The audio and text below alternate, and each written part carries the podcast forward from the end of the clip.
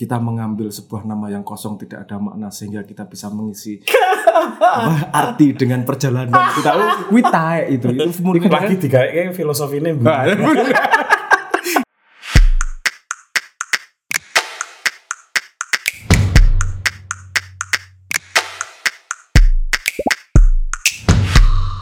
Halo, ketemu lagi dengan saya Putut EA, Kepala Suku Mojok dan kita bertamu di kantornya Sabrang Mowo Damar Panuluh.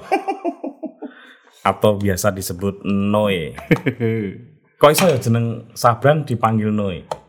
kecelakaan gue Nah, itu masalah mengenalkan diri ketika di Kanada oh, oh jeneng Sabrang we angel di Indonesia. Hah? ini karena siapa jenenge? Sabrang hu Sabrang hu hu alah bundet ki wis lah. Oh, berarti orang undangan kecil ya, bukan panggilan dari kecil. Wi, wi Oh. panggilanku pas Kanada di nicknameku di MSN Messenger pas gue Oh, kan memang no, iya iya iya, iya, messenger. messenger. messenger nang messengerku nicknameku Noe memang. Jadi s- setelah itu arek-arek nyeluke Noe ke, ke bawah ke sini. Wah, ke sini. Oh, Sabrang itu menyeberang. Mowo itu bersama atau membawa. Ramo kowe geni Mowo gini. ya mau Oh, se, lagi tafsirku kok. oh ya aku yo tasire bapakku aku ora Oh iya, diajak ya lebih lebih balik bapakku sing kayak jeneng bapakku. ramai rembuk Sabrang. Eh, saya nek Jawa ngene, Brang. Gini, Brang. Ayo nganggo maaf ya, karena aku sama Sabrang ini terbiasa bahasa Jawa. Sabrang mau damar panuluh. Sabrang menyeberang, mau kalau saya itu Membawa. membawa, iso bisa juga bara. Damar itu penerang, panuluh itu pencerahan. Jadi menurutku seseorang yang menyeberang membawa cahaya untuk menerangi. Oh, apik apik kuwi apa interpretasimu daripada bapak. Lah iya. Nek bapakmu ya. ora berangi geni untuk lampu penerang itu tadi. Eh, wah, berarti kalau mowo di situ berarti Kawah Chandra di muka, Iya, gitu kan berarti- ngalami. ngeri juga loh nek itu. Ya, bapakku kan terkenal kejam. Nih. Lu jenenge pendadaran kok. Enggak ada pendadaran yang lemah lembut. Namanya pendadaran yo seperti tadi cerita ke Kanada itu kan proses pendadaran kirim-kirim duit mangkat mangkat bener ya itu ya. ditiliki ora tahu di ah blas urip-urip Tapi mati-mati. yang agak dramatis yang mungkin agak dibesar-besarkan di situ bener nggak Sabrang waktu di Kanada lulus SMA kan itu. Hmm. Iku nganti nggak punya kos dulu di sana. Tenan gue aku tenan duit aku Wah, lu anaknya Cak Nun di saat itu orang dedet ya. itu masa ketika krisis ekonomi 98 drop. 97 toh kamu berangkat aku ya? berangkat aku berangkat 98 Oh 98. jadi sampai sana masih normal beberapa bulan yuk. Beng drop. Rumah rumah budget yang biasanya cukup untuk sebulan. Ya. lah kan sepersepuluh ya tadi ya? Iya iya iya. yo, yo survive. Kamu nggak Pak dia tuntek ya. yo ora iso. Wong dealnya segitu kok berangkatnya kan yo Lu Kanada ya ada loh bro, nek Singapura apa Australia yo oke lah. eh. Mosok Cak Nun sekejam itu. Lo ora yo. Apa Cak Nun sendiri sudah menawari. Aku serah kuat ini. Ora kuat. Apa jenis membiayai juga dan seterusnya. Bali wae. Apa Oke, aku. Pilihannya dua. Bali tapi aja paksa paksa sekolah. Yang itu tidak mungkin tawaran itu diterima Ya, kan. oh, aku Bali tapi aja paksa sekolah. Eh, Atau biarkan aku bertahan di sini. Gimana pun caranya. Pas gue kebetulan lagi aku tak pikir, sorry tak aku potong. Tak pikir fase itu adalah fase ketika kamu sudah lulus dan mau melanjutkan. Enggak ya?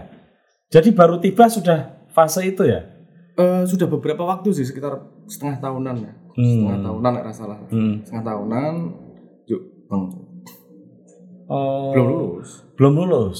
Waktu belas baru mulai akhirnya Cak Nun kemudian membiarkan kamu memilih Iya. jalanmu sendiri. ya Apa yang kamu lakukan? Eh, Kanada juga memberi kemudahan buat mahasiswa sekolah Asia karena impactnya besar di Asia ekonominya Hmm. mereka juga membantu agar siswa bertahan jadi kalau kalau visa sekolah itu nggak boleh kerja Oke. Tapi saat itu dibuka, Dibuka. untuk siswa Asia boleh kerja. Kowe yo kerja. Yo kerja, yo golek duit tapi piye carane lah. Apa tuh? Sa? survive. Kamu kerja. anaknya bayangin anaknya Cak Nun baru lulus SMA di Kanada dan harus bekerja. Nyambi lah. Apa misalnya? Misalnya apa? Kerja paling gampang itu di sekitar kampus. Jadi kan ono hub mall eh, eh, sebutannya di sana hub mall. Jadi tempat kumpul eh, kayak food court. Ya. Nah, itu kan sing goreng jadi salesnya jadi apa sana itu kan siswa. Vokalis Leto loh. Pernah Lo survive kok. Jenenge survive cares. Tapi ono waktune ya pas bener-bener ora ono gawean gitu ya. Yang saya bener-beneran tuh nggon nggak punya tempat. Itu saya sempat numpang di tempat temen, tempat temen yang dari dari Korea. Hmm, Aku mau ceneng kompas sih. Wah, ini dramatis nih. iki. Neng suwe-suwe ora penak lah. Gue sok numpang terus gitu. Ah. Terus akhirnya yo aku keluar, keluar dari situ. Ya ora ono tempat. Ora ono tempat ya Masjid ya kan non kalau sebelum salah. sebelum ke masjid. Waktu neng Kanada ya ono masjid ya. Ono masjid. Cuk. Waktu itu aku memang lagi tidak ya pas kebetulan ya momentumnya ketika pas drop itu memang aku lagi sangat membuat jarak dengan agama. Aku ramik itu benar-benar tak taruh samping Oke. karena yo salah satu nganu lah salah satu pembuktian bahwa kan aku punya keraguan bahwa agama gue meng buah dari adopsi Nah, adopsi atau memang dari choice kan gue. betul. Nah, di situ aku ngambil jarak sih lah. Kalau emang choice pasti aku balik ke situ. Nah, jadi orang kepikiran ke masjid waktu itu.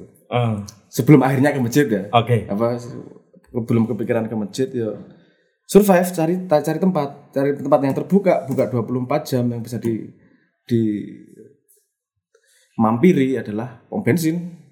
Karena Karena soalnya rano pos kampling. karena bos gambling dan butuh heater, nggak bisa sembarangan. Oke. Kalau kalau Dingin musim sekali. dingin minus 15 kalau nggak deket heater ya selesai game over. Kebetulan di sekitar apa sih kan agak terbuka Hmm. di di pom bensin ono kotak apa sih nih? Kota heater ya. Kotak telepon. Ah, Oke. Kotak telepon sing zaman biyen yang Ya, zaman yang masih kotak telepon. Kan Wes ngang wes nganggo kartu tapi ya. bisa pakai kartu, bisa pakai kartu, tapi sih kotak telepon. Nah, itu kan cukup lumayan untuk apa sebenarnya untuk menghangatkan diri beberapa waktu lah. Sampai ora kuat, duitnya tinggal 20 dolar lagi bi. Kaya neng masjid ya. Terus neng masjid aku. Tapi itu bukan bagian dari mendekati agama. Oh bukan, Ah. kalau jujur saja waktu itu utilitarian. Oke. survival wes aku nang masjid di sana duduk malu sholat terus semua orang pulang aku ra bali dhewe ditanyain sama penjaga masjid kue kok ra bali aku ra ndek omah numpang turu ya Hmm. numpang turu ya ya udah dikasih sleeping bag sama satu bantal terus boleh nggak aku apa sih temang sang neng kene Ah. Mampir di sini yo tapi bantu bantu ya oke Oh jadi sempat jadi marbot kamu ya? boy lah suwe Wah lumayan. ya karena itu mungkin. Nah justru itu kesempatan itu Mhm. kesempatan gue karena aku neng kono yo masak resik resik bantu segala macam terus ada kesempatan ketika ono diskusi internal karo saya aku melu lungguan Hmm. mulai ada kesempatan untuk nanya hal-hal sing logically aku ragu lah dan untung saya ampuh jadi nyeneng nih bukan dogmatis ngono logik banget mulai gitu walik walik walik sampai teng sampai satu titik terus oh iya Diskusi agama di sana itu waktu itu kayak apa, Bang? tentu beda open sama tertutup Oke. Kalau open ya biasa, mengingatkan konsepnya kan Ah. gitu kalau kalau apa open. Kalau tertutup kan membuka yang baru, menggali kan konsepnya gitu. Jadi aku lebih tertarik pada yang ngumpul itu sih sebenarnya. Ngumpul melingkar, Hmm, hmm, hmm. terus ngobrol. Terus aku takon aneh-aneh bisa Nah, Jadi nek kono, nek yang terbuka ra mungkin takon aneh-aneh. Oke. Sa- Sabrang ini kamu ngambil jurusan yang agak unik juga ya? Matematika ya, Bro? Atau Aku fisika? ngambil lor lor nih, aku double degree tuh, matematika fisika. Sigur. Hmm. So, salah loh, vokalis terdidik loh. aku nak arep apa sih bangga banggaan aku bisa ngomong triple degree udah tapi sisi tak drop kamu Psikologi ngambil matem oh kamu manggil apa ngambil matematika sama fisika matematika fisika jadi yang satu lagi konsentrasi psikologi tapi tak drop gelarnya nggak ambil tapi kamu memang suka matematika seneng itu konklusi yang tidak bisa saya lari darinya. Oh. Karena tujuanku sekolah itu dudu urusan bidang ilmunya. Nah, aku pengen golek akare. Di usia muda itu wis mikir ngono kuwi. Soalnya keset. Eh, eh, kamu dulu SMA mana? SMA 7. Oh. Itu bukan karena canggih, itu karena keset. Hmm. Karena pemalas. Aku pengen belajar sesuatu yang aku tidak perlu mengupdate 10 tahun, 20 tahun, 30 tahun, nggak perlu ngupdate cepet-cepet. Kali apa paham sekali, paham set- seterusnya nggak perlu inget-inget kan. Yang bisa punya sifat seperti itu kan matematika atau fisika. Update kan lambat Hmm. fisika. Matematika sekali paham yo tekan mati sampai 100 tahun yo bertahan. Hmm. itu nanti yang akar itu yang membawa Sabrang misalnya kemudian mendirikan beberapa aplikasi gitu ya termasuk Ya. simbolik ya. Itu saya terkenal Elon Musk ngomong first principle itu loh. Hmm. First principle melihat segala sesuatu itu first principle. Artinya segala sesuatu di dalam kepalamu itu bekerja dengan hukum matematika. Lebih banyak bekerja dengan hukum matematika. Saya melihat matematika, iya yuk, matematika itu tuh hukum ya. Oh oke. Kalau Kleru tuh aku. Jiger. iya ya, logikanya bukan matematika kui gini gini, gampangnya gini.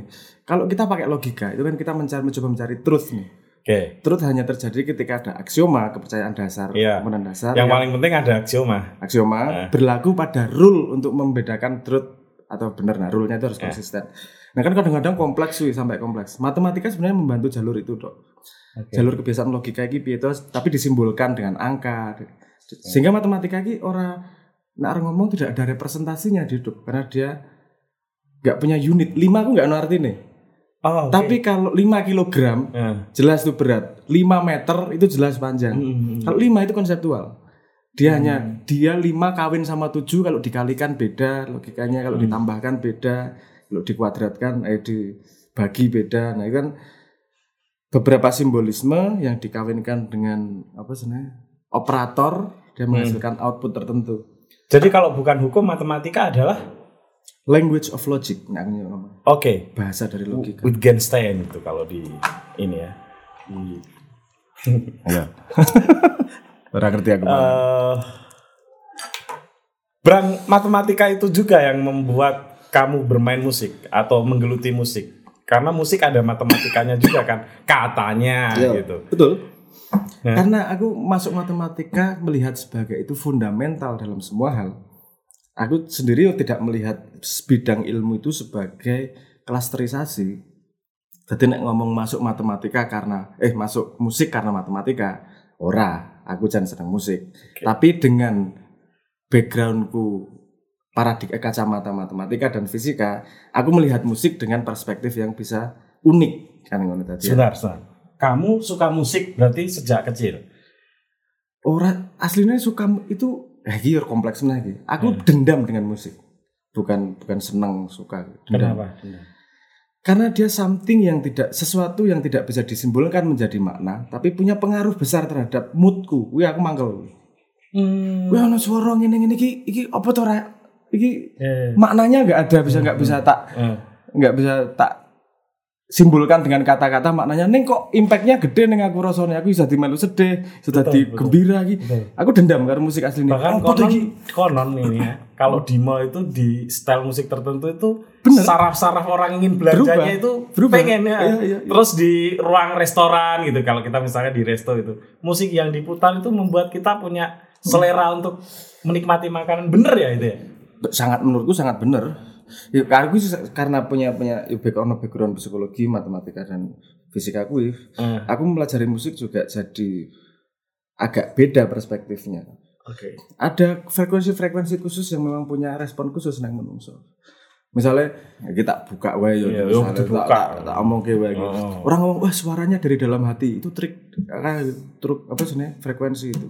Oke. Frekuensi di sekitar 2,8 kHz itu kalau bedanya 1 desibel dengan bell curve-nya setengah oktav Oh. itu punya efek orangnya jujur itu. Wah, iya aku ora paham istilahnya neng ngerti maknanya Ah, maksudnya. ah, ah. Jadi apa misalnya Gregorian mau penyanyi Gregory Gregorian Oke. itu itu berlatih bertahun-tahun hanya untuk ngunggah ke itu aja Hmm. hanya untuk naikin bem satu frekuensi sekitar 2,8 sampai 3,2 kHz itu. Kalau orang bersuara di itu Ar- maka jujur. Ya, kedengaran eh, yang lain orang jujur. Hmm. Berwibawa itu sekitar 350 sampai apa 450-an sekitar situ. Naik sedikit sekitar 1 desibel, 1,5 desibel. Curve-nya juga. Berarti kita bisa menilai orang ketidakjujuran kejujuran dari Sebenarnya kita sudah melakukan itu tanpa sadar. ini aku jujur ang ini. Apa? Ini ini aku lagi jujur. ah. Lumayan sih, oke. Oke sih, oke sih. Loh, apa? Itu bukan fenomena yang ditemukan manusia sebenarnya. Manusia sudah melakukan tanpa sadar, kemudian dikuantifikasi oleh Oh, iya, fisika, dipelajari oleh matematika, ngono tok sebenarnya. Itu membahasakan apa yang sudah terjadi wae itu sains itu. Iya, iya, iya. Terus kamu pulang ke Indonesia memilih jadi musisi. Itu juga bukan pilihan. Aku kesel utekku. Aku kuliah Sik kowe yo matematika ning luar negeri yo mbok pilih dhewe. Heeh. Sinau telu tiga ma, apa tiga bidang ilmu itu pilihanmu sendiri. Iya. Yo kesel wajar. resiko ya wajar. Ya, jangan kesel. Iya. Itu faktanya bahwa kesel. Ya, Tapi tidak menderita lah. Neng ya kesel. capek tapi tidak menderita beda itu. Tapi, tapi tidak menderita ya. Capek tak istirahat. Waktu itu aku ono tawaran beberapa beasiswa dari universitas luar negeri saya tak sebut lah. Terus aku ngomong ke bapak, saya tak istirahat sih setahun tak santai sih. Hmm. Nyeger. Hmm. Jajal ilmu kemarin tak implementasi di musik lah karena ada studio studio kayak Kanjeng ya. Ya. Karena oke, aku tak manage di sini sana ngajari arek-arek produksi musik, di sana aku tak eksperimen. Hmm. Musik itu eksperimen. Berarti kue eh, kamu itu dulu sempat jadi semacam kepala di studionya. Iya, sound engineer. Saya aku Kamu sound engineer Kiai lu lu jeru sound engineer aku daripada musisi sana. Mixing, mastering, editing ngono-ngono kuwi. Ket awal bergerak ke digital itu aku mengikuti. Oh, apa? Kado Muhammad udah kamu, Bang? Belum. Belum. Kado Muhammad kan aku belum itu Oh, Kado Muhammad itu 9 Salah, salah. sekian oh ya, 97 mungkin ya. Heeh. Apa yang yang apa yang Kiai Kanjeng kamu mixing? Eh, nek kanjeng ora patut sing mixing nek kanjeng. Oh, nek aku sing ngajari patut. Oh, seger. Ngaji ke. Oh. Tapi itu. Ini ternyata diajari Aku sing ngajari ya jikir. Enggak, aku dulu duwe buku banyak kecil-kecil tentang sound engineer gitu. Tentang mic dan segala macem, tentang kabel segala macem, tentang organologi. Nah, kuwi Eh, tak waca ning kono, rampung tak kirim ke bocah-bocah. Bocah-bocah melu maca terus pulang. kamu udah kenal Patup waktu itu? Nah, kan SMA, kanca SMA. Oh, Patup itu konco SMA. Pato Pari kanca SMA. Eh, Bareng dhewe, dhewe bareng. Cuman dulu nggak pernah membayangkan akan membuat grup musik. nggak membayangkan. Nek grup musik orang bayangke sih, tapi memang ber- berkesenian. Yo teater, yo Ah. pantomim, musik puisi segala macam. Jangan salah, Sabrang itu SMA sudah pentas teater. ya tuh, Brang. Kelas 6 apa umur 6 umur 6 tahun aku wis pentas teater. Hmm. Umang-umang karo dinasti. Emang lingkungannya itu lingkungan lingkungan intrinsiknya di situ. Bapak ibu ketemu karena teater. Geng Widi Powinatan kan. Iya, Rumahnya iya, iya. Teater gitu ya. Ibunya Sabrang itu memang seorang tokoh teater lah terkenal di Jogja. Teater penari. penari ya. Terus kemudian sampai membuat Leto, piye ceritanya? itu eksperimen kan gitu musik oke kita sudah tahu musik gini gini oke sekarang ini musik yang dihargai adalah musik yang lagu riset lagu aku mengumpulkan 40 50 lagu dari 70 atau 70 sampai 2000 waktu itu. Oke dan analisis oke waktunya ini dolanan nadanya seperti ini spektrumnya seperti ini. Kemudian ketemu garis merah kuwi. oh ono iki garis merahnya nih. Ada ada beberapa garis merah. Hmm. kita gunakan garis merah itu untuk membuat beberapa lagu. Nah lagu gue juga tertarik neng di apa sih ada label yang tertarik musika. Yo nggak band yo. Apa kita rilis. Aku karena patuh belum duit leto orang kebayang. Uh, no band-bandan tuh. Oh iya. Berarti kudu suruh ngirim profile band. Orang duit pengalaman sama sekali. Wong bene ro Wong ngono. band ra ono kok. Profile band opo iki profile band asu lah. Wis profile yos. Iki aku tak kirimi eh, sing tak kirimi cerita karo Patu. Nek kono diguyu profile band kok koyo ngene. Iki esai iki jenenge. Oh yo sing piye-piye sing bener piye. Aku gak paham. Nama bandnya ini gini-gini lagi dibahas. di mana? Oh, lagi dibahas top dibahas gitu. Apa jeneng band? Aduh, bundet iki. Jeneng band iki. Lagi-lagi kita narik pada apa yang sudah ada gitu. nama band pertimbangan wong gawe nama band ki apa to mesti ono urusan makna oh kita lihat polanya delok nang Indonesia polanya kan dubur-duburan ono dewa sultan Raja. raja uh dubur-duburan Tekan nabi barang Noah Oh, iya, eh, burung. burung kan burung tapi kita kelihatan polanya Eh. bahwa gede-gedenan seperti itu nah nek delok nang jowo ada pola warna Ratu ya. ratu kalau zaman dulu aku lihat di luar di luar Grup musik juga berang. Kaisar. Dulu ada grup musik dangdut Kaisar gitu-gitu. polanya gitu polanya membes apa mencoba membesar kan gitu Wali. wali wali, Wali betul ya kan. karena delok pola pola kultur kita namanya membesar gitu Hmm. Nek delok apa jenenge eh, luar negeri ada yang pakai pola warna di Purple, Pink Floyd dan seterusnya. Indonesia dipakai ungu itu. terus Ngono ya mbok teliti barang ya. ya wong ra cetha kok. Terus terus oke nek dhuwur-dhuwuran jadi kita bandnya yang paling tinggi adalah band Allah Subhanahu wa taala. ya ora masuk ini. Halo kami dari Allah Subhanahu wa taala mengucapkan selamat Ramadan. Ora ora lucu banget ini. Terus terus lah kita nggak usah ikut pola ini lah. Kita gawe jeneng sing ra cetha. Ah. Akhirnya wis leto. Aku turu ngimpi, aku turu ngimpi ketemu bocah jenenge leto. Aku tangi turu karo patep wis jenenge leto wae. Apa artinya? Mbuh. Dan gue nak filosofi ini Dengan double T. belum waktu itu Belum, satu T. oke. Satu T waktu itu. Ah. Awalnya masih satu. Yo apa ngimpinnya ragu spelling soalnya ngimpinnya ketemu cah cilik ngono. Ya, masuk leto ngono. Double T ya. gue tajid ya orang-orang nggak ada seperti itu Yos akhirnya namanya itu atau tanya filosofi ini apa dikarang wae sapu ki ono filosofi ini. Telek wae ono filosofi ini ngarang wae. Ditanyain tuh apa filosofi dari nama? Kita mengambil sebuah nama yang kosong tidak ada makna sehingga kita bisa mengisi apa, arti dengan perjalanan kita. Wih taek itu. Itu murni taek karena memang kita tidak tahu dasar mengambil. Jane padha karo mojok, Bro. oh gitu Jadi mojok itu konsepnya sudah ada. Kemudian kita harus bikin domain ya. hmm. Nah, itu mojok ketemu karena ada mojok tinggal satu kata kan Bu. zaman itu nyari satu kata yang sebelum dibeli orang kan susah. Nah, ya. Nah, tapi mojok.co ini satu-satunya yang yang kami ini yang masih tersedia. Jadi itu yang diambil.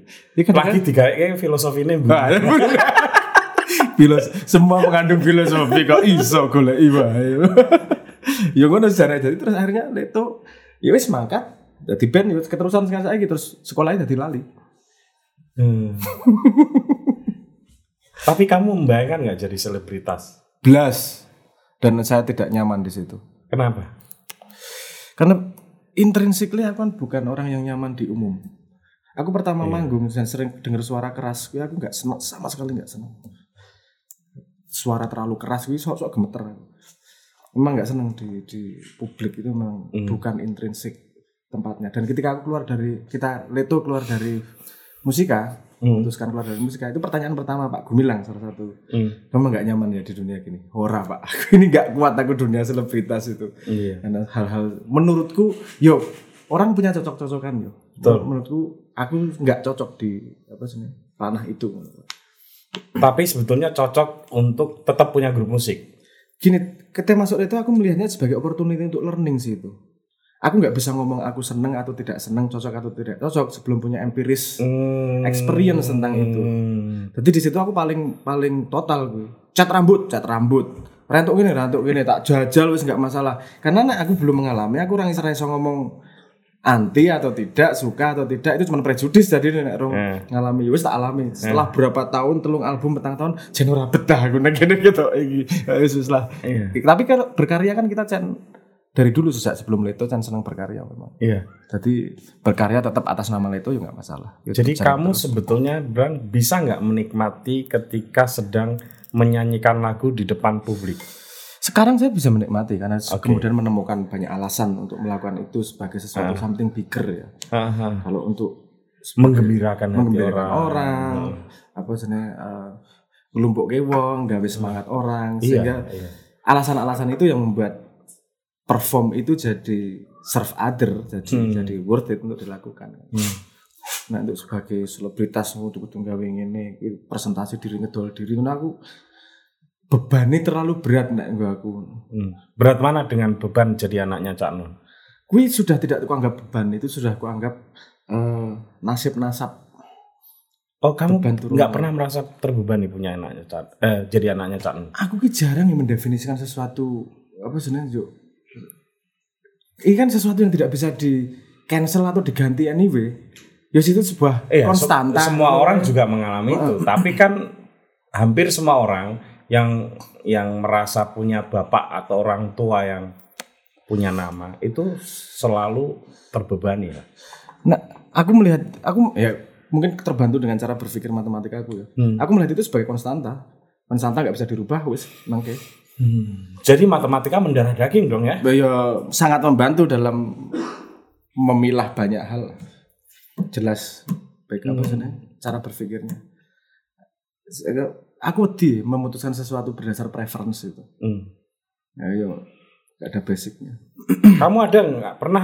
Karena kamu itu anaknya kan pintar ya, punya orang tua yang juga pintar. Ada ketegangan nggak kalau kayak gitu? Listrik atau tegangan-tegangan? Mulu ya biasanya pasti gitu. ya Hah? pasti beda pendapat dan seterusnya pasti Nggak beda pendapat yang bukan hanya beda pendapat, tapi apa ya? eh, satu manusia mandiri yang punya struktur pengetahuan yang lengkap gitu ya, dengan orang yang serupa dengan itu, kan biasa tuh. ya, terus Itu biasanya berakhir dengan dimulai dengan bagaimana dan berakhir dengan bagaimana. Kita selalu punya pandangan eh, punya analisis yang berbeda Hmm. respon yang berbeda terhadap sesuatu. Tapi Indian kan actionnya mau gimana nih? Kita bisa bisa kita bisa punya horizon yang sama dengan cara yang berbeda. Itu sudah jadi alasan untuk rekonsiliasi sebenarnya. Hmm. Strategi ini aku sangat sering strategi tidak setuju dengan dengan Simba. Hmm. Tapi aku ya bisa accept bahwa dengan kosmos berpikirnya, pengalamannya yang dia yang dia apa sebenarnya konklusikan adalah logik dari semua yang dia miliki. Aku ya bisa melihat itu. Beliau juga bisa melihat itu di aku. Jadi yang kita pastikan bahwa horizonnya sama gitu. Ternyata kita menuju tempat yang sama, cuma mungkin dengan cara yang berbeda, dengan strategi yang berbeda ya biasa. Oke. Jadi ini kan gitu. Situasinya berbeda juga. Jadi Kamu keberatan nggak, Bang, kalau dianggap oleh banyak orang sebagai gusnya Mak Iyah? aku uh, gini, aku tidak punya kontrol terhadap anggapan. Oke. Ah, tapi aku punya hak untuk tidak percaya pada anggapan itu. Hmm. Aku ora percaya kalau konsep-konsep ngono. Hmm. Apa bahwa Enggak, eh, kamu oke, boleh tidak percaya, boleh tidak suka, tapi kan orang lain juga bisa punya, percaya? Iya, punya persepsi seperti itu. Ya aku kan nggak bisa ngerubah itu. Wong punya persepsi seperti itu. Hmm. Yang paling bahaya kan nek aku percaya bahwa yang disangkakan adalah seperti itu. Itu persangkaan yang membahayakan aku. Hmm. Nah aku Enggak, tapi itu kan punya konsekuensi dong. hmm, Maksudku gini, ketika kamu ada di panggung-panggung Maya, Hmm. kamu hadir sering hadir bersama Cak Nun, kamu punya kepercayaan diri dan sikap intelektual yang jelas gitu ya.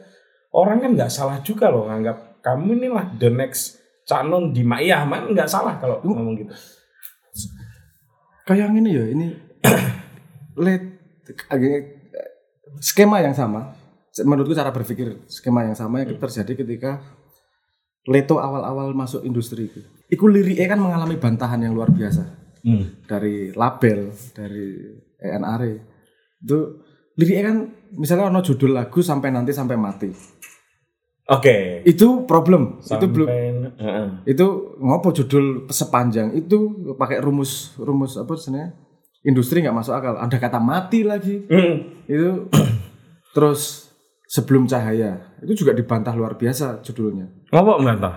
nggak familiar Oh. nggak connect di, di apa pendengar itu argumentasi yang sudah menjalankan bertahun-tahun Heeh. terus tapi aku bertahan di situ aku punya reasonnya di sini bahwa reasonnya pendengar tidak perlu tahu reasonnya tapi aku tahu pasti bahwa melakukan ini aku ada reason yang aku nggak menyesali nih aku sampai pada posisi itu aku juga punya background cara berpikir yang aku hanya mau mempertanggungjawabkan actionku yang itu loh Betul. kan itu actionku yang lain aku gagah tanggung jawab itu Oke. bukan dari aku Ah. kan gitu Nah, Dan hal yang sama kamu pakai untuk menyikapi menyikapi konteks ini itu. konteks ini juga aku Mama aku rame lu gak Maya gitu. Oh, bukan Kan nggak bisa gitu juga. Orang, orang gitu nggak gitu.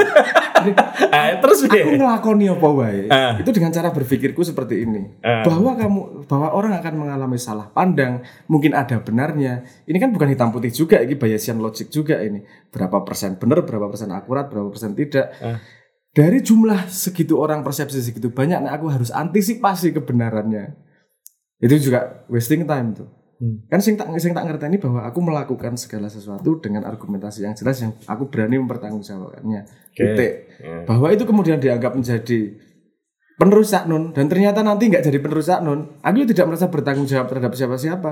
Betul. Wong gue nganggap penerus Saknun, yo tidak aku- pada konsepku sendiri tidak mungkin orang bisa meneruskan orang lain. Betul. Oh, po, Dan orang lain itu juga jangan salah juga, juga jangan menganggap bahwa orang lain ketika menganggap penerus itu si penerus harus sama dengan orang yang diteruskan. ya itu Belum tentu. itu ini problem dengan ekonomi ikon aku nyebut ini istilahku sendiri ya ikonografi dari kata gitu sing rotok bahaya gitu memang Ah, pada konsep-konsep itu Iya, iya. karena kita kalau kita ngomong sesuatu kita harus unpack konsepnya ketika kita kosakata masuk ke orang di unpack di kepalanya beda-beda Hmm. Tapi nah, jalur nasab kemudian ketika mendapatkan legi sorry konstruksi sosial semacam itu ketika mendapatkan legitimasi semacam nasab itu menjadi hal yang sangat wajar. dan aku meng, aku sendiri pribadi ya Hmm. aku mencoba tidak pernah mencapai eh, menggunakan kartu itu dan kalau bisa mendenai kartu itu Oke, kita ambil contoh lah di Indonesia ya. Oh. Anaknya Soekarno, Megawati atau guru Soekarno, ya orang akan mempersepsikan dia anaknya Soekarno, dia adalah seorang politikus dan dianggap punya bakal punya kontribusi besar pada politik di Indonesia. SBY karo AHY ya kira-kira ngono. yes Iya kan? Itu nek ora malah dikira lucu. Misalnya Gus Dur. Ngono malah dikira iki piye. Walaupun tentu ada putrinya Gus Dur yang berpolitik ya. Menurutku asumsi itu Hmm. datang dari sejarah yang panjang memang yang logis saat itu Mm-mm. tapi logika itu dipakai sekarang Hmm. itu jadi menurun akurasinya aku nggak ngomong 100% salah Oke, oke, oke. jadi menurun akurasinya juga menurutku dulu anak raja dianggap sebagai penerus- Pangeran atau pangeran penerus raja dia yang mau itu make sense karena flow informasi pada zaman itu memang berpusat pada kerajaan Istana, istana, betul. sehingga Istana informasi sentris lah. heeh. informasi si pangeran ini dia relatifly pasti lebih educated daripada orang yang lain. Kalau kita mau nyari siapa yang paling potensial nerusin, ya mesti pangeran nih, karena dia yang paling dekat environmentnya di situ. Oke. Nah, Ini area yang sama sekali berbeda ini. Hmm. Informasi sudah terbuka sedemikian rupa, interaksi sudah sangat terbuka. Heeh. Jadi aku rasa bahwa modal darah iya pasti. Loh, itu yang mau ini. Ini kan ada persoalan DNA Iya. yang kita juga semua tahu bahwa DNA itu mewariskan emosi, bahkan mungkin mewariskan sikap intelektual. Tapi gini, kalau misalnya gini, kita ngomong psikologi ya. Kalau kita ngomong prediktor dalam psikologi yang akurat itu kan kita ngomong ocean gitu. Sep- sepengetahuanku yang paling akurat ki untuk memprediksi kesuksesan pada sudut pandang modern itu kan contentiousness gitu. Oke. Contentiousness di antara lima, openness, contentiousness, extrovertness, agreeableness, karo neuroticism. Hmm. Nah, ini tidak sampai sekarang saya belum pernah membaca penelitiannya yang menunjukkan bahwa trait ini diturunkan dengan rumus yang jelas. Beda dengan DNA. Tapi kamu sepakat bahwa itu diturunkan. saya sepakat bahwa itu juga nempel di DNA. Oke. Tapi random misalnya bahwa setiap anaknya pasti punya itu belum tentu. Kalau kepastian sih enggak. Ya, seperti Mendeleev. Kalau kita Mendeleev bisa ngomong kepastian nih. Heeh. Apa eh, kacang kerut sama kacang bunder dikawinke anaknya seperempatnya akan dua akan kerut dua akan bunder iki dikawinke meneh seperempat akan kerut mana yang dominan mana yang resesif di DNA jelas Hmm.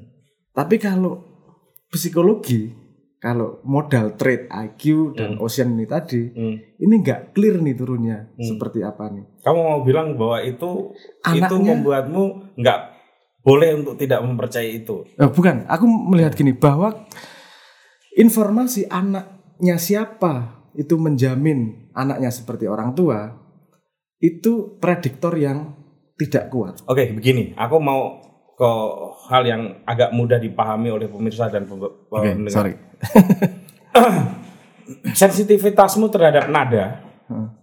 kamu percaya nggak bahwa sebagian itu adalah nempel di DNA-mu karena kamu anaknya ada darah Cak Nun di situ, dan kemudian ekosistem membuat eh, apa mekanisme sensitivitasmu itu makin terbuka dan makin terangsang. Iki Ka- kamu gimana? tak unpack gitu. Ini, Nah. ini sing ora sing, wong- sing seru karo Sabrang ini ngene iki lho. sing wong ora ngerti backgroundnya. Ah, Aku sangat tidak sensitif sama nada. oke. Aku kira nyanyi ki fals-fals. Aku membedakan nada itu selalu relatif, tidak pernah absolut. Oke. Mis- maksudnya gini, a- ada dua nada, jaraknya sepiro aku iso punya sense. Hmm. Tapi absolut nada berdiri sendiri aku nggak punya sense. Enggak, tapi itu bisa dibantah, Brang. Iya. Orang di luar sana yang secara eh, parsial berbeda dengan kamu, dengan hal-hal yang menyerupai kamu, Hmm. tidak bisa jadi vokalis leto, Itu ada tidak bisa menciptakan lagu. Gue ada faktor luck juga lah. Ini Oh, kan- oh, itu lain Iya, soal. Iya, oke, iya, itu oke lah. Nah, kalau untuk pada posisi Ah, vokalis itu itu, oke, iya. sebuah band kan Iya, ada ya, kalau itu enggak ini itu kita juga. ngomongin soal DNA, sensitivitas, emosi dan pasti ekosistem. pasti ada turunannya. Hmm. Dan aku orang ngomong pasti terus kemudian diskoneksi ya. Hmm. Wong ya sing bangun aksiomku ketika kecil ya orang tua. Hmm. Pasti growth cara berpikirnya juga mengikuti terpengaruh juga orang tua. Seberapapun aku me- mencoba melepaskan apa, apa, paradigma-paradigma kecil yang dibangun kecil tetap mungkin lah bahwa pengaruh orang tua dan DNA saya aku nggak mendena itu mesti ono tapi kalau itu untuk menjadi prediktor Oke. aku yang nggak setuju gue. Hmm. karena Kalau anaknya Cak Nun pasti pinter bersair gitu bersair ya. 80% Hmm. iso bersair ki wah prediktor itu masih masih ranah asumsi gue itu itu bukan ranah iya iya bukan bukan ranah yang bisa dibuktikan lah menurut menurutku Hmm. Yuk oke kam jengiskan Bro, saya yo lali aku statistiknya. Sekitar 19% Asia Tengah itu urusan kalau nggak salah gitu. Iya, apa, iya. Itu turunan jengiskan. Eh. Kita piye iso ngonekke 19 berapa juta orang itu dengan jengiskan di trade apa yang diturunkan kemudian Ah, gitu ah. Terlalu random gue untuk untuk bisa di di di, Betul. di, di- Betul. Tetapi, spesifikasikan bahwa tapi ketika orang itu kemudian mendapatkan ekosistem tertentu yang menyerupai ekosistem yang ada dalam galur jengiskan. betul dia Maka akan dia muncul akan- trade itu betul. Betul. tapi sekarang kan kita ngomong gini juga variabel di apa dunia modern Hmm. ekosistem itu kan sekarang jadi gede banget Loh, nggak dalam konteks kamu jelas kan ekosistemnya kamu ada di rumah Ma'iyah, ada nada-nada ko dan komunitas Kiai Kanjeng. oh iya iya Iya kan? Itu yang aku maksud dengan ekosistem. Eh, oke kita, kita ngomong variability-nya di situ ya Ah, aku kumpul karo bapak dan lingkungan ini sampai umur lima tahun. Oke. Setelah itu aku lepas pada ekosistem yang sama sekali berbeda sampai SMP. Lulus SMP, SMA masuk ke sini itu Oh, Sabrang ini SM, SD, SMP-nya di Lampung ya? ya SD SMP itu di Lampung. tahu, SD ya. SMP itu di Lampung di pedalaman desa. Hmm. Nah, pedalaman desa dan itu environment yang sama sekali ber- berbeda. gitu. Hmm. Terus kemudian neng Jogja tiga tahun. Hmm. Terus itu ke luar negeri Oke. lima tahun setengah. Hmm. Nah, ngomong environment yang dominan yang mana, kan nggak gampang gue. Tapi aku ngomong me- melihat diriku sendiri, sebenarnya yang paling dominan untuk aku saat ini, gue justru ketika aku lima tahun yang Kanada gue. Enggak, kamu ke- bisa di satu sisi ngomong gitu, Bang. Ya ya. Tapi bisa nggak? Ya ini Hah? ini ya, ini ini yang disebut salah satu misteri-misteri dalam perjalanan hidup manusia ya, yang mencoba disaintifis gitu, walaupun tidak selalu mungkin Ya, begitu. ya. Ketika kamu ada di pedalaman Lampung, di saat yang sama dengan kurun waktu yang berbeda, Cak Nun ada di Sumobito Jombang, ya. kamu kan bisa me- kita kan bisa me- memperlihatkan itu di usia seperti kamu di dalam Oh. waktu yang berbeda. Oke oke. Environment yang kamu sing tak maksud environment mirip tanpa ada kehadiran tokohnya. Iya. Oh, pokoknya pokoknya pokoknya Iya, environment iya, iya, mirip iya. lah. Salah gitu. satu Oke oke iya, oke, salah oke. satunya gitu. Oke oke oke. Kan bisa juga. Bisa bisa. Aku nggak mendenai bahwa Maknya juga mewarnai sangat mewarnai aku dan aku sangat senang dengan dengan dengan konsep sinau barengi Maknya. Menurutku itu hipotesis yang penting juga membangun diskursus sehat itu. Hmm. Dan tapi ngecap bahwa Iki mesti penerusnya Cak Nun ki. Aku kira wani ngomong nggak berani ngomong iya atau tidak karena aku nggak bisa unpack dari kalimat kuwi apa sih maksudmu ke belakang ki. Penerus Cak Nun ki opo sih? Nah, itu kan Karena satu nggak jelas apa eh, definisinya. definisinya apa sih? Penerus ki apa sih?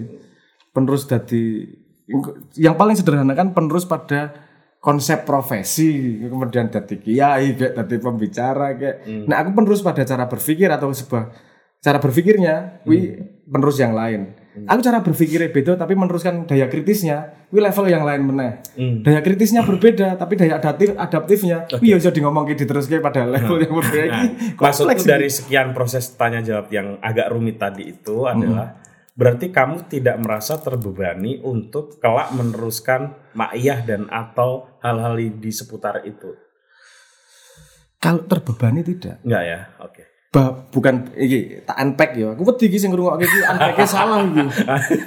Tidak terbebani. Enggak, tapi kamu eh, pertanyaan itu wajar kan? Wajar, sangat wajar, sangat wajar. eh, eh. tidak terbebani bukan berarti saya tidak peduli Mak Iya. Oh, ya, Bukan ya. berarti saya kemudian akan ninggal ke Mak Iya tak jol kira peduli dengan Mak Iya. Bukan berarti gitu. Ya, ya. Terbebani kan responku terhadap tanggung jawab aku nggak terbebani karena Hmm. ya urip beban lah pilihan. Ya. Beban bisa dilihat sebagai apa sebenarnya kehormatan kan juga bisa. Hmm. Oke.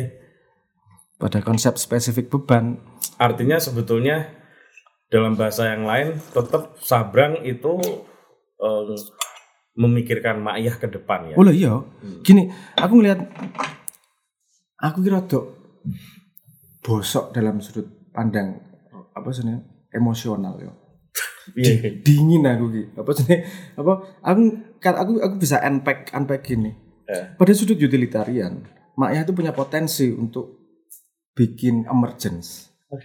Jadi itu untuk dikit dan ditumbuhkan itu worth it. Tapi dari dingin ya aku. Bukan melihat maknya sebagai personal connection atau apa segala macam. Kan ngono tadi Ingatan sebagai sama manusia. Eh, sebagai manusia aku jadi lihatnya dingin seperti itu. Tapi ketika aku pada ngeframe pada objektif besar menuju ke mana aku lihat maknya ini perlu dipertahankan perlu ditumbuhkan lagi karena ini penting pada ladder society untuk bangun emergence nih Iya. ini utilitarian eh, dari sudut pandang utilitariannya lah iya aku tadi asu ki cah iki ndelok kok fungsional tok ki ora ono rasa-rasa piye eman ngono dadi ya aku ya ya aku ya Tapi memang robot tapi memang gila ya apa maiyah itu. Itu itu fenomenal di Indonesia dan memang aneh kalau orang nggak memperhatikan itu. Menurutku ada satu forum dengan ribuan orang yang diajak berpikir kritis dan reflektif sekaligus terhibur dan sudah berlangsung selama puluhan tahun. Itu sulit. Aku belum menemukan hal yang serupa ya di Indonesia. Kalau pengajian itu top down, ya betul Maiyah itu enggak. menurutku itu juga salah satunya ada trait yang ag- agak susah direplikasi dan aku selalu berpikir saya gitu. Hmm. Ini kuat karena traitnya Simbah Cak Nun juga. Beliau mampu Hmm. me- me- me- me-unpack konsep yang apa sebenarnya rumit menjadi sederhana untuk bisa dikunyah bareng, Hmm. bisa jenderal panggung untuk membuat itu menjadi Sangat, sangat. jadi Hmm. hiburan di tengah Iya. jalan, jadi kusuk tengah jalan. Nah itu Betul.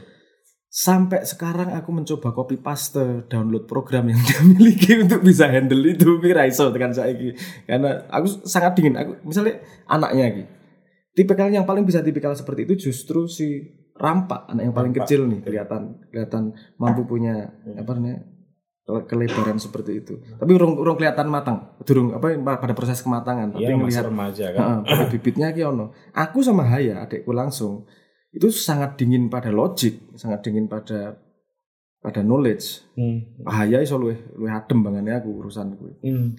Obal apa adiknya Haya itu justru sangat kuat pada sosial. Hmm. Justru sangat rasa itunya sangat kuat dia dia dia sebagai pemimpin komunitas ngampuh banget nek Haya sama Obal. Nek aku karo Haya sangat lemah pemimpin komunitas. Piye urusannya utilitarian. Hmm. Ya ora ono rasa ora ono ngono kuwi. Iya. Nah, Simbah kalau ngelihat ngelihat trait yang cabang di sini, posisi sini Simbah kan menurut saya balance itunya. Iya. Kritisnya balance, mampu jendela lapangan rasane balance. Tapi Itu- memang it- dari sisi itu memang sus- sus- dari situ saja sudah sulit mencari tandingannya betul. karena piye vokalnya apa punya cita rasa nada yang bagus punya konsepsi berpikir yang unik Bisa punya sisi-sisi ah, effectively. punya sisi-sisi sastrawi yang tidak tidak bisa dimungkiri siapa pun punya kemampuan verbal yang luar biasa ya panjenengan gue Ya, dan itu unik nek wong ngomong aku akan menggantikan Cak Nun pada posisi itu. Aku katakan dari sekarang tidak mungkin trade dasarku tidak di situ. Hmm. Kalau aku pun berperan sebagai itu akan jadinya wagu posisinya. Dan kalau nanti mak ya aku sing nyekel, baunya akan beda iki. Baunya akan lebih efektif utilitarian seperti Hmm. intrinsically aku dan aku kan juga kudu ngitung resiko ki. Mak ya tidak tumbuh dengan itu ki. Kudu ono coro ki agar- Iya, tapi hal yang tidak juga eh, harus sama persis memandangnya kan Cak Nun juga punya waktu, artinya ada ada konteks sosial tertentu yang membentuk beliau. Dan kamu kalau misalnya meneruskan Maya juga punya konteks sosial yang, Yang sudah pasti berbeda. Ya, Iya kan? iya, iya. Kalau itu kan juga satu variabel yang juga harus penting Iya, dilihat. iya. Saya kira ketok kok misalnya Hmm. apa jenenge di jamaah maknya sendiri. Hmm. Itu sing cacah nom karo aku nyambung. Saya wong tua, wong tua. Karo aku mangkel. Hmm. Akan cangkem gitu. Atau ketika ngomong di YouTube dengan di panggung beda, beda banget, Bang. Hmm, hmm, Eh, Brang. Hmm. Cak Non yang diambil videonya konteksnya untuk YouTube dengan Cak Non di YouTube kan itu kan beda banget, beda banget. Beda banget. ya kan? Iya. Nah, itu kan sudah bisa dilihat lah sebetulnya. Heeh. Karena ya setiap orang punya zamannya sendiri. Iya, punya zamannya dan punya trigger environment-nya sendiri. Simba nek ra karena Simba itu tidak dia berhadapan dengan manusia. Ketika manusianya dihilangkan, Hmm. yang jadi kamera, kuwi yang hidup yang nyala berbeda juga. Betul. Nah, dalam konteks environment, konteks sosial itu, kamu sempat bikin pantau bersama. Hmm. Sempat, nah ini bukan sempat, ini sedang mengurus satu aplikasi simbolik gitu. Ada apa sebetulnya di balik rentetan itu, Bram? Oke. Apakah itu matematika yang sudah Yes. mendarah daging? Yes, itu itu semua kalau melihat pola dasarnya adalah kalkulatif. Hmm. Aku melakukan semua itu pada posisi kalkulatif. Pada mungkin orang tidak akan melihat kalkulasinya di mana kalau tidak paham horizonnya di mana. Kan selalu itu. Jadi ngopo yang ngelakoni ngene iki nek didelok dhewe-dhewe ya random iki koyone. Tapi kalau ngelihat horizonnya ke mana jadi jelas jelas. Hmm. Oh kenapa sih sekuensinya seperti ini? Kenapa yang dicoba? Tapi pantau itu bukan kali pertama ya? Kamu bikin aplikasi aku aplikasi pernah, semacam aku itu? pernah mencoba dengan Opinium. Oh sorry, Opinium yang pertama. Ya, pertama Ya, Opinium. Opinium. Ya, ya, ya, ya, ya, Opinium. Mm. Itu posisiku menggauge, gauge gitu ya. Probing lah. Mm. Piye to iki? Delok piye to iki? Ah, Kanan iki. kayak menekan tombol Menekan tombolnya. apa kayak masuk kolam kakinya duluan. duluan. Ah, oh, ah. dinginnya segini nih, dengan segini. Kayak ngunggah ke nganu nek mastering ya. Oh, Badru Sidik. eh, Sidik ya. Piye ya rasanya kan Oke, gitu, kan gitu. Ya. Se- Horizonnya sebenarnya ngene iki. Naluri tadi, na- naluri fundamental tadi kan rodok kuat neng aku. Uh, First principle. Oke. Aku pengen dulu first principle apa tuh iki jane sehingga itu berangkat dari rasa malas itu dulu. Nek aku nglakoni sesuatu, yo sing umure dawa. Makanya aku ra konek karo hukum. Aku sinau hukum ki nggak masuk akal gue aku karena ganti terus gawean menungso ora fundamental. Gue belajar gawean menungso sing iso diganti kapan wae, utek mutok ceh-ceh nek aku gitu. Walaupun sing wong nek aku wong belajar hukum dadi yo kagum kok gelem yo ngono ki apa yo. Karena memang fundamental cara Iya, berpikirnya iya, itu ngerti, bukan urusan bener salah yo, baik Ah, buruk yo. Ning cocok-cocokan wae. Ah. Emang cocok Aku yang padha karo kowe ya. Kok iso ya wong do nganu matematika. Ah, mbok jupuk kalkulator beres urusane. Iya, bisa kan bisa. Lho nek aku Iya, ya iya, iya. Yo, Karang aku ra seneng matematika. Iya, Aku iya. kan biyen ngono. Bodoh banget ngomong aku. Waktu semono eh, saat itu kan kalkulator itu harganya 50.000 ribu. Semua persoalan bisa kita selesaikan dengan Dengan 50.000 ribu. Kenapa sih harus susah banget gitu? Bisa saya dicontoh anakku. Aku senang matematika, ya, Pak kan ada kalkulator. Sikir tuh anak. What goes around comes around. Nah, akan gini. Ini ada ada variabel, ada ini ngomong urip ya. Pada urip konstanta yang tidak berubah adalah ini. Pakai logika bisnis yang gampang lah. Logika bisnis, gue investasi sesuatu itu pada informasi yang pasti. Semakin pasti informasi, semakin gue iso komit pada sebuah investment. Oke, katakanlah hidup ini aku katakanlah hidup ini sebagai sebuah kesempatan untuk do something. Nah, Oke, pada kesempatan urusan penting. Konstanta yang tidak berubah adalah waktu. Ya. Kita punya limited time. Siapa pun punya limited time. Oke, Sialnya kita nggak pernah tahu persisnya. persisnya nggak pernah tahu kapan. Tapi mati ki mesti kan gitu. Jadi oke. Kalau aku Mati itu pasti kapannya yang kita nggak kapannya tahu. nggak tahu. Hmm. Oke lah. Tapi tapi berarti kita bisa tetap bisa ngambil sebuah garis di situ. Kalau kita punya limited time berarti entah kapan itu. Berarti kan we have to do something yang worth it untuk sampai pada titik itu. Iya. Oke, kita melakukan apa ki sing sing sing worth it. Hmm. Nah, aku juga kemudian gini, pertanyaan nih. Karena tidak tahu kapan mati nih, tak take satu, ngambil satu loh. Oke. Satu aja yang yang tak ambil gitu. Heeh. Kalau satu horizon beda tujuan ki fanatik.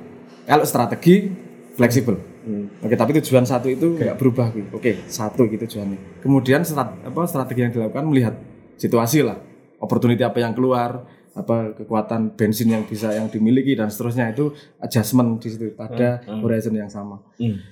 Nah kemudian saya melakukan itu apa sih nih? Opinium, pantau bersama, dan sekarang apa sih nih? Eh, opini apa simbolik, simbolik. itu pa- pada pada frame itu tadi menuju horizon yang sama. Horizonnya apa sih sebenarnya? Gini, eh nek aku pengen melakukan sesuatu sing live longer Ah. daripada hidupku sendiri, Ah. berarti aku harus masuk pada sebuah area yang intrinsik hidup pada fabric of society. Bukan membangun sebuah rumah yang ada limited lifetime-nya. Harus meng- apa, mencoba melakukan sesuatu sing dilak sing berkelindan dengan kehidupan society ki sehingga umurnya dawa ki impactnya jadi jelas ki. Ter- kemudian riset gue aku rulas tahun gue lumayan riset. Apa yo yang society ki kalau kita ngomong memecahkan masalah problem apa ya? Hmm. mau nggak mau kan nge-track ki masalah yang dunia apa ki? Pendidikan kesehatan pangan. Hmm. ketika meneliti sisi-sisi cukup dalam meneliti satu-satu ternyata tidak ada masalah itu yang berdiri sendiri. Oke. iki bener berhubungan dengan politik. Politik berhubungan dengan ekonomi. Iki berhubungan Ah.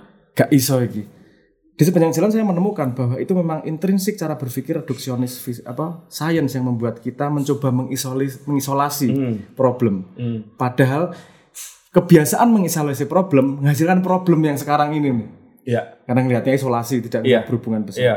Nah kemudian masuklah sistem teori bahwa game teori sistem teori bahwa semua ini berhubungan wicked problem gitu. kita golek akarin nek semua berhubungan gitu piye iki mecahke society ki apa ki kemudian oh society adalah eh, saya paling seneng definisinya Niklas Luhmann terhadap society society adalah emergence dari komunikasi hanya terjadi society kalau ada komunikasi, Komunikasi. di antara Artinya ada timbal balik. ada timbal balik. Hukum hanya muncul ketika ada ketok palu. Ketika itu tidak hadir di, di, di manusia ketika sendirian. Nah semua semua yang hadir dalam society ini kan dari komunikasi. Hmm. Dan pola komunikasi menghasilkan kurasi hierarki kemudian. Sopo sing kita dilihat tinggi, sopo sing dilihat rendah, dan ternyata itu kelihatan ki arah society itu tergantung pada hierarki yang tergantung pada komunikasi ki. Terus sekarang kelihatan ketika moda komunikasi dunia berubah, betapa shifting yang terjadi gitu gede. Hmm. Nah, shiftingnya arahnya udah kelihatan gitu. Oh, komunikasinya seperti ini, hierarki yang di atas seperti ini, arah society pasti akan seperti ini nih. Karena itu sudah jelas jutaan tahun dengan mekanisme evolusi. Oke. Evolusi yang hierarki paling atas dia punya anak paling banyak, generasi berikutnya pasti replikasi dari yang paling dominasi ini. Kalau manusia hidup di dunia idea, Hmm. yang paling dianggap tinggi dari idenya entah kayanya entah terkenalnya itu akan terreplikasi di generasi berikutnya dan efeknya akan semakin ke arah situ tuh.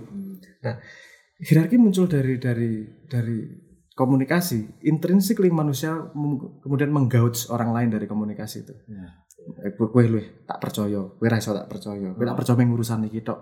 Dewe rasa bisnis koncoan wae. Itu kan keputusan-keputusan yang muncul dari komunikasi game yang terus-menerus tuh. Nah, kalau gamenya tidak dirubah arah society akan terjadi random Ki. Padahal kehebatan manusia utama adalah bisa secara conscious memilih arah evolusinya. Ini hanya manusia yang bisa kayak gitu itu. Kalau dia paham intrinsik subkultur layernya Hmm. Gimana society bisa terjadi. Oke. Nah, gelem ra gelem aku mlebu kono kuwi karena menurutku ini worth it iki. Kalaupun gagal aku mati, Neng worth it iki tak lakoni wis lah karena iki, iki paling basic iki dari sesuatu. Nanti akan dengan sistem komunikasi dan hierarki yang baik, urusan pendidikan, kesehatan dan segala macam akan menemukan best talent untuk memecahkan masalah mereka kan. Jadi ini kan Kamu nggak khawatir eh, cara pandang seperti itu terlalu membebani seseorang untuk mencoba menyelesaikan semua masalah di dunia? ini slicingnya gimana gitu? Kalau orang satu orang menyelesaikan masalah di- semua masalah di dunia tidak mungkin.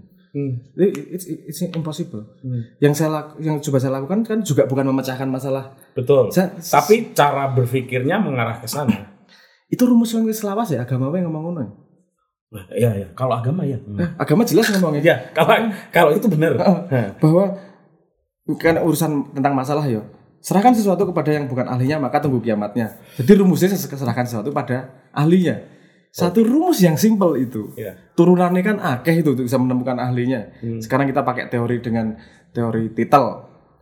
Dokter Andes kayak PhD kayak dianggap lebih ahli dan seterusnya. Kan ada banyak macam nek dengan ijazah kan itu Betul, sebenarnya teori-teori untuk mencari siapa yang paling ahli itu. Nah, akan berbeda kalau misalnya aku kasih contoh begini, Bram.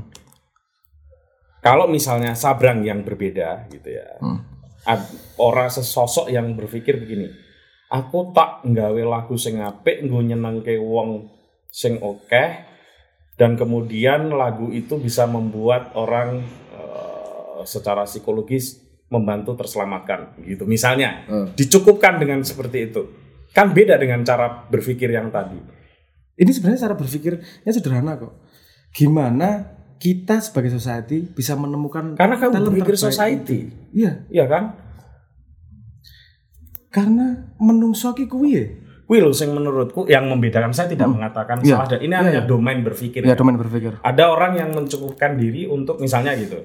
Ada orang yang cukup dengan aku i APE tak ngurusi desa wae. Iya kan? Karena dengan saya fokus mengerjakan urusan desa Ya. Dalam kurun satu lima tahun, saya yakin maka desa tersebut akan bisa punya keberlangsungan kehidupan yang baik ya. Untuk 3.000 sampai 5.000 orang. Cukup. Yes. Tapi ada orang yang berpikir tidak seperti itu. Tapi bagaimana? Oh nggak bisa karena desa ini pasti akan terhubung dengan yang lain. desa yang lain. Ya. Dan itu niscaya sifatnya. Hmm. Dan desa-desa yang lain itu terhubung oleh sistem ekonomi nasional misalnya Ya, atau sistem politik nasional. Wah nek digawe peraturan sing bosok ning dhuwur, kowe ke- sebagai kepala ya desa atau- pasti nggak bisa. Nah, Ya, kan itu beda domain berpikir kan. Ya. Nah, Sabrang dalam konteks ini kan bukan berpikir yang ber- pertama. Ya. Padahal mayoritas aku pikir adalah orang-orang di Indonesia memikirkan yang pertama ini. No problem sebenarnya. Hmm. Dan, dan aku justru pengen membantu karena aku terharu dulu maknya maknya konco-konco kuwi kan punya kegiatan memilih satu problem yang diambil gitu. Hmm. Aku milih milih ngurusi sungai, oke. Ya aku milih urusi pertanian. Hmm. Ya aku connect mereka agar empower semua gitu yang milih milih. Karena kena semua mikir seperti itu, siapa sih yang mikir gini? Kan gitu salah satunya. Iya, iya. Dan dan gini, menurutku itu buk nek gini, satu rumus gitu, satu aksioma dalam agama sing tak pegang tenanan gitu. Kanjeng Nabi itu dipanggil Al-Amin sebelum menjadi Nabi. Betul. Sebelum dia dipercaya orang lain, dia harus percaya apa? apa dia harus jujur sama dirinya 100%. Hmm. Nah itu tak cekel tenan. Jujur pada dirinya 100%. Jadi choice mau mau mengambil yang lokal atau yang global atau yang pada level mana pun, menurutku itu bukan choice orangnya, tapi kemampuan eh kemauan dia untuk bertanggung jawab terhadap knowledge yang dia miliki. Nah, Karena dia bisa mendefinisikan masalah seberapa sih. Hmm. Kalau kamu nggak bisa mendefinisikan masalah senegara, ya jangan ngurusin negara. Karena gini, aku pernah ketemu dengan seorang alim ya. Hmm. Dia bilang gini, Mas Putut, kalau Anda itu bisa membantu orang dengan kapasitas seribu, terus Anda mencukupkan diri dengan membantu orang dalam kapasitas 50, itu dihisap itu. Iya. Nggak Karena menyia-nyiakan apa yang ada di potensi diri Anda. dan dalam tanda petik ono pengecute gue. Kamu mampu ambil tanggung jawab Betul, segitu. betul, betul, betul, betul, betul. Berat, pasti berat yang Tapi ngomong gitu. medeni, gini kalau nek rumusnya kan gini Tapi aku setuju itu, setuju. ini ini juga ada aspek personal pribadi loh Ah, Ada aspek untuk untuk untuk pribadinya gini meaningful life itu bukan datang dari hidup yang tidak ada masalah meaningful life itu ketika menghadapi sesuatu yang memang sangat berat tapi kamu mau bertahan di situ dan menemukan makna-makna dalam perjalanan untuk menuju sebuah horizon itu tuh yang saya lakukan bukan urusan berhasil atau tidak berhasil Betul. tapi Kemau, kemauan untuk bertanggung jawab. untuk bertanggung jawab terhadap apa yang sudah dikasih Gus Alan. Aku bisa mendefinisikan masalah yang kini, masa aku gak handle lagi. Aku tekan mati mesti ya akan merasa bersalah ki. Iya betul. Eh, Karena sih gini ya, aku tuh percaya bahwa orang kalau ngomong korupsi, oke korupsi itu dosa besar.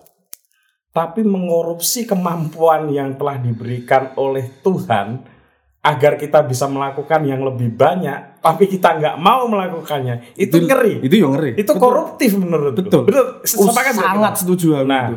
itu yang bikin aku ngeri di hidup ini. Dan dan dan, dan, dan ini loh. Aku kan sosok ini, aku ndelok gi- gini. Nah camak ya kan beberapa sing aku ndelok stratumnya dhuwur iki, cap pinter banget iki. Iki dia mampu ngolah kaya ngene iki. Tapi environment membuat dia wis lah tak nih wae lah. Aku eman iki ya Allah. Padahal nek ngomong asu ya kira ngomong asu statistiknya. Statistik di Indonesia. Ini nggak nganggo, nganggo teori ini eh Jack Elliot. Dia mengatakan dia membagi orang menjadi stratum gitu. Stratum adalah kemampuan untuk menampung stres. Ah. Menampung stres itu berhubungan dengan seberapa jauh objektif yang bisa diambil. Ah, Nah, dia, misalnya gini, pemimpin perusahaan itu minimal stratumnya 5. Stratum 5 itu artinya dia bisa memprediksi lima tahun aku mau ngapain sih. betul. Goalnya dia selama lima tahun tidak mengalami finish gitu. Kan stres gue orang rampung-rampung gitu kan. Tidak semua orang bisa menampung seperti itu. Apa statistiknya begini misalnya, kalau presiden, level presiden, itu statistiknya minimal stratum 7. Stratum 7 itu mampu melihat ke depan 25 tahun. Ah, Dan pada statistik society di Indonesia tak hitung wingi, Hmm. ya kemungkinan yang punya stratum 25 apa stratum 7 itu hanya dari penduduk 260 juta sing tak hitung 260 Oke. juta itu sekitar 30 ribu wong mingan Oke. yang punya stratum itu dan Oh. kita nggak tahu itu wong neng endi kuwi. Hmm. Iki sodake di desa yang tidak punya akses teknologi, Bener. ono sing anake wong sugih. Oh, oke. Nah, gimana ini loss kita loss resources ki? Kalau orang ini bisa mendapat asupan sedikit wae, dek munggah mesti cepat. Jangan sampai dia terhalangi oleh ketidakmampu atau tidak mampuan ekonomi, tidak kemampuan Hmm. Akses teknologi. akses teknologi. Piye yo carane yo? Kan itu yang tak pikirkan jangan sampai society kehilangan potensi terbaiknya karena kita menemukan potensi terbaiknya Oh. mereka yang jadi leader untuk memecahkan masalah whatever masalah yang mereka choose itu out kans untuk outcome terbaiknya itu lebih besar. Aku nggak ngomong itu pasti beres ya. Betul, Tapi betul. kans outcome Kan, terbaiknya kita akan hanya lebih besar. Hmm. Jadi kita Dan tidak sebetulnya Tuhan kan hanya mempersoalkan kemungkinan-kemungkinan yang bisa terbuka kan, bukan gelem usaha, mempersoalkan, ya, bukan perusahaan hasil. hasil, betul. Nah menurut saya salah satu yang tidak dimiliki oleh society kita secara terencana adalah mem- memberi kesempatan kepada semua benih ini untuk tumbuh Punya potensi tumbuh. tumbuh punya Betul. potensi tumbuh yang sama Hmm, hmm. Dengan yo akeh lah alasannya dengan metodologi pendidikan yang kayak gini lah dengan ini macam-macam lah. Tapi itu semua efeknya adalah tidak semua orang punya kesempatan untuk tumbuh sesuai dengan benihnya. Kalau itu diratakan sedikit lah kansnya bu ini ketok iki gue mesti wis itu nggak bisa dihalangi itu. Nek wong wis memang modalnya dikasih Gusti Allah Hmm. seratum tinggi akan ngolah sendiri dia. Artinya sebetulnya kamu juga punya kapasitas untuk mengolah tingkat stres yang lebih tinggi. Koyone ngono nek sesep Muhammad So- karena uripku ra duwe goal Hmm. itu yang membuat aku ra gampang stres. Apa leto kudu harus gini ini harus gini. Itu relatif ra duwe goal. Goalku ki nek mati. At least aku melakukan maksimal cita-citaku masih sederhana. Nah arep urusan urip yo. Aku mati malang kerik. Hal yang rumit itu kan kadang muncul dari sesuatu yang sederhana. ya Ya. ya Orang-orang bercita-cita, aku pengen jadi dokter rampung. Itu harus sederhana juga. tapi, Tapi- tekan rono nih Nah, kan gitu ya, ini malangkrik ya, tapi kan konsekuensi dari itu.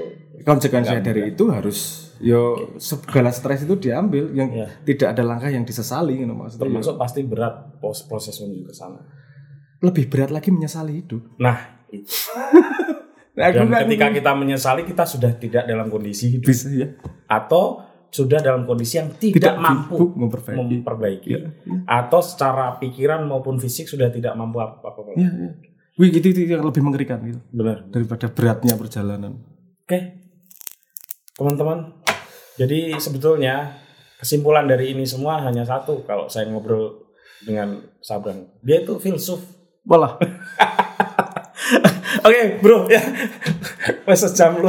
Wes, sap. Sun sun matur nuwun. Nuwun, Mas Kapan-kapan kita ngobrol lagi ya. siap matur dulu Mas. Oke, gitu teman-teman sampai ketemu lagi di eh, bertamu seru selanjutnya.